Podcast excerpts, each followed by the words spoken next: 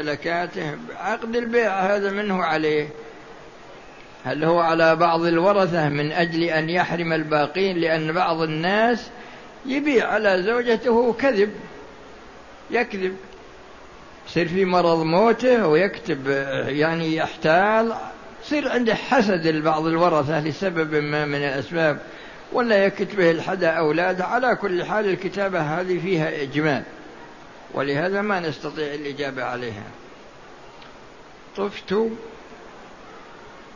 وقامت الصلاة صلاة الميت وكبر الإمام وأنا في الشوط الأول.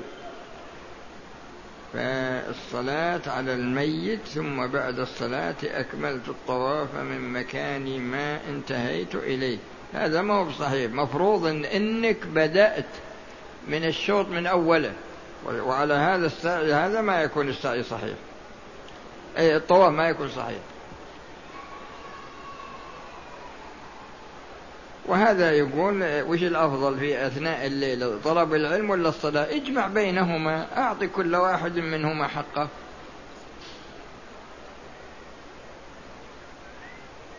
شخص قدم من اليمن وفي نيته العمرة إلا أنه لم يحرم. من عند محاذاته الميقات وبعد مضي عدد من الأيام في جدة رغب في العمرة. إذا كان مارا في الميقات وهو عازم على العمرة فإحرامه من جدة إحرام دون ميقاته وعليه فدية يذبحها في مكة. فإن لم يستطع فإنه يصوم عشرة أيام.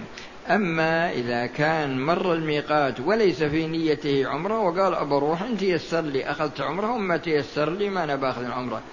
ولكن تيسر له وأحرم من جدة فما عليه شيء. فلا بد من التفرقة. وكذلك من قدم من اليمن ولم يكن في نيته العمرة إذا كان ما في نيته العمرة هذا هو الذي أجبت يعني هو القسم الثاني من الجواب. وهذا يسأل عن طواف الوداع للعمرة ما هو بواجب؟ وما حكم من غادر مكة بعد أن مكث بها عددا من الأيام ولم يطف طواف الوداع؟ وما عليه طواف وداع؟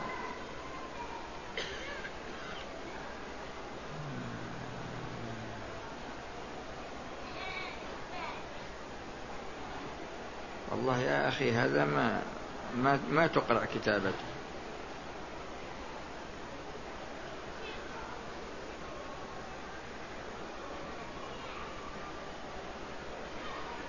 وهذا يقول هل هي سنة حلق البنت الصغيرة عندهم كلهم واحد الولد والبنت. خذ.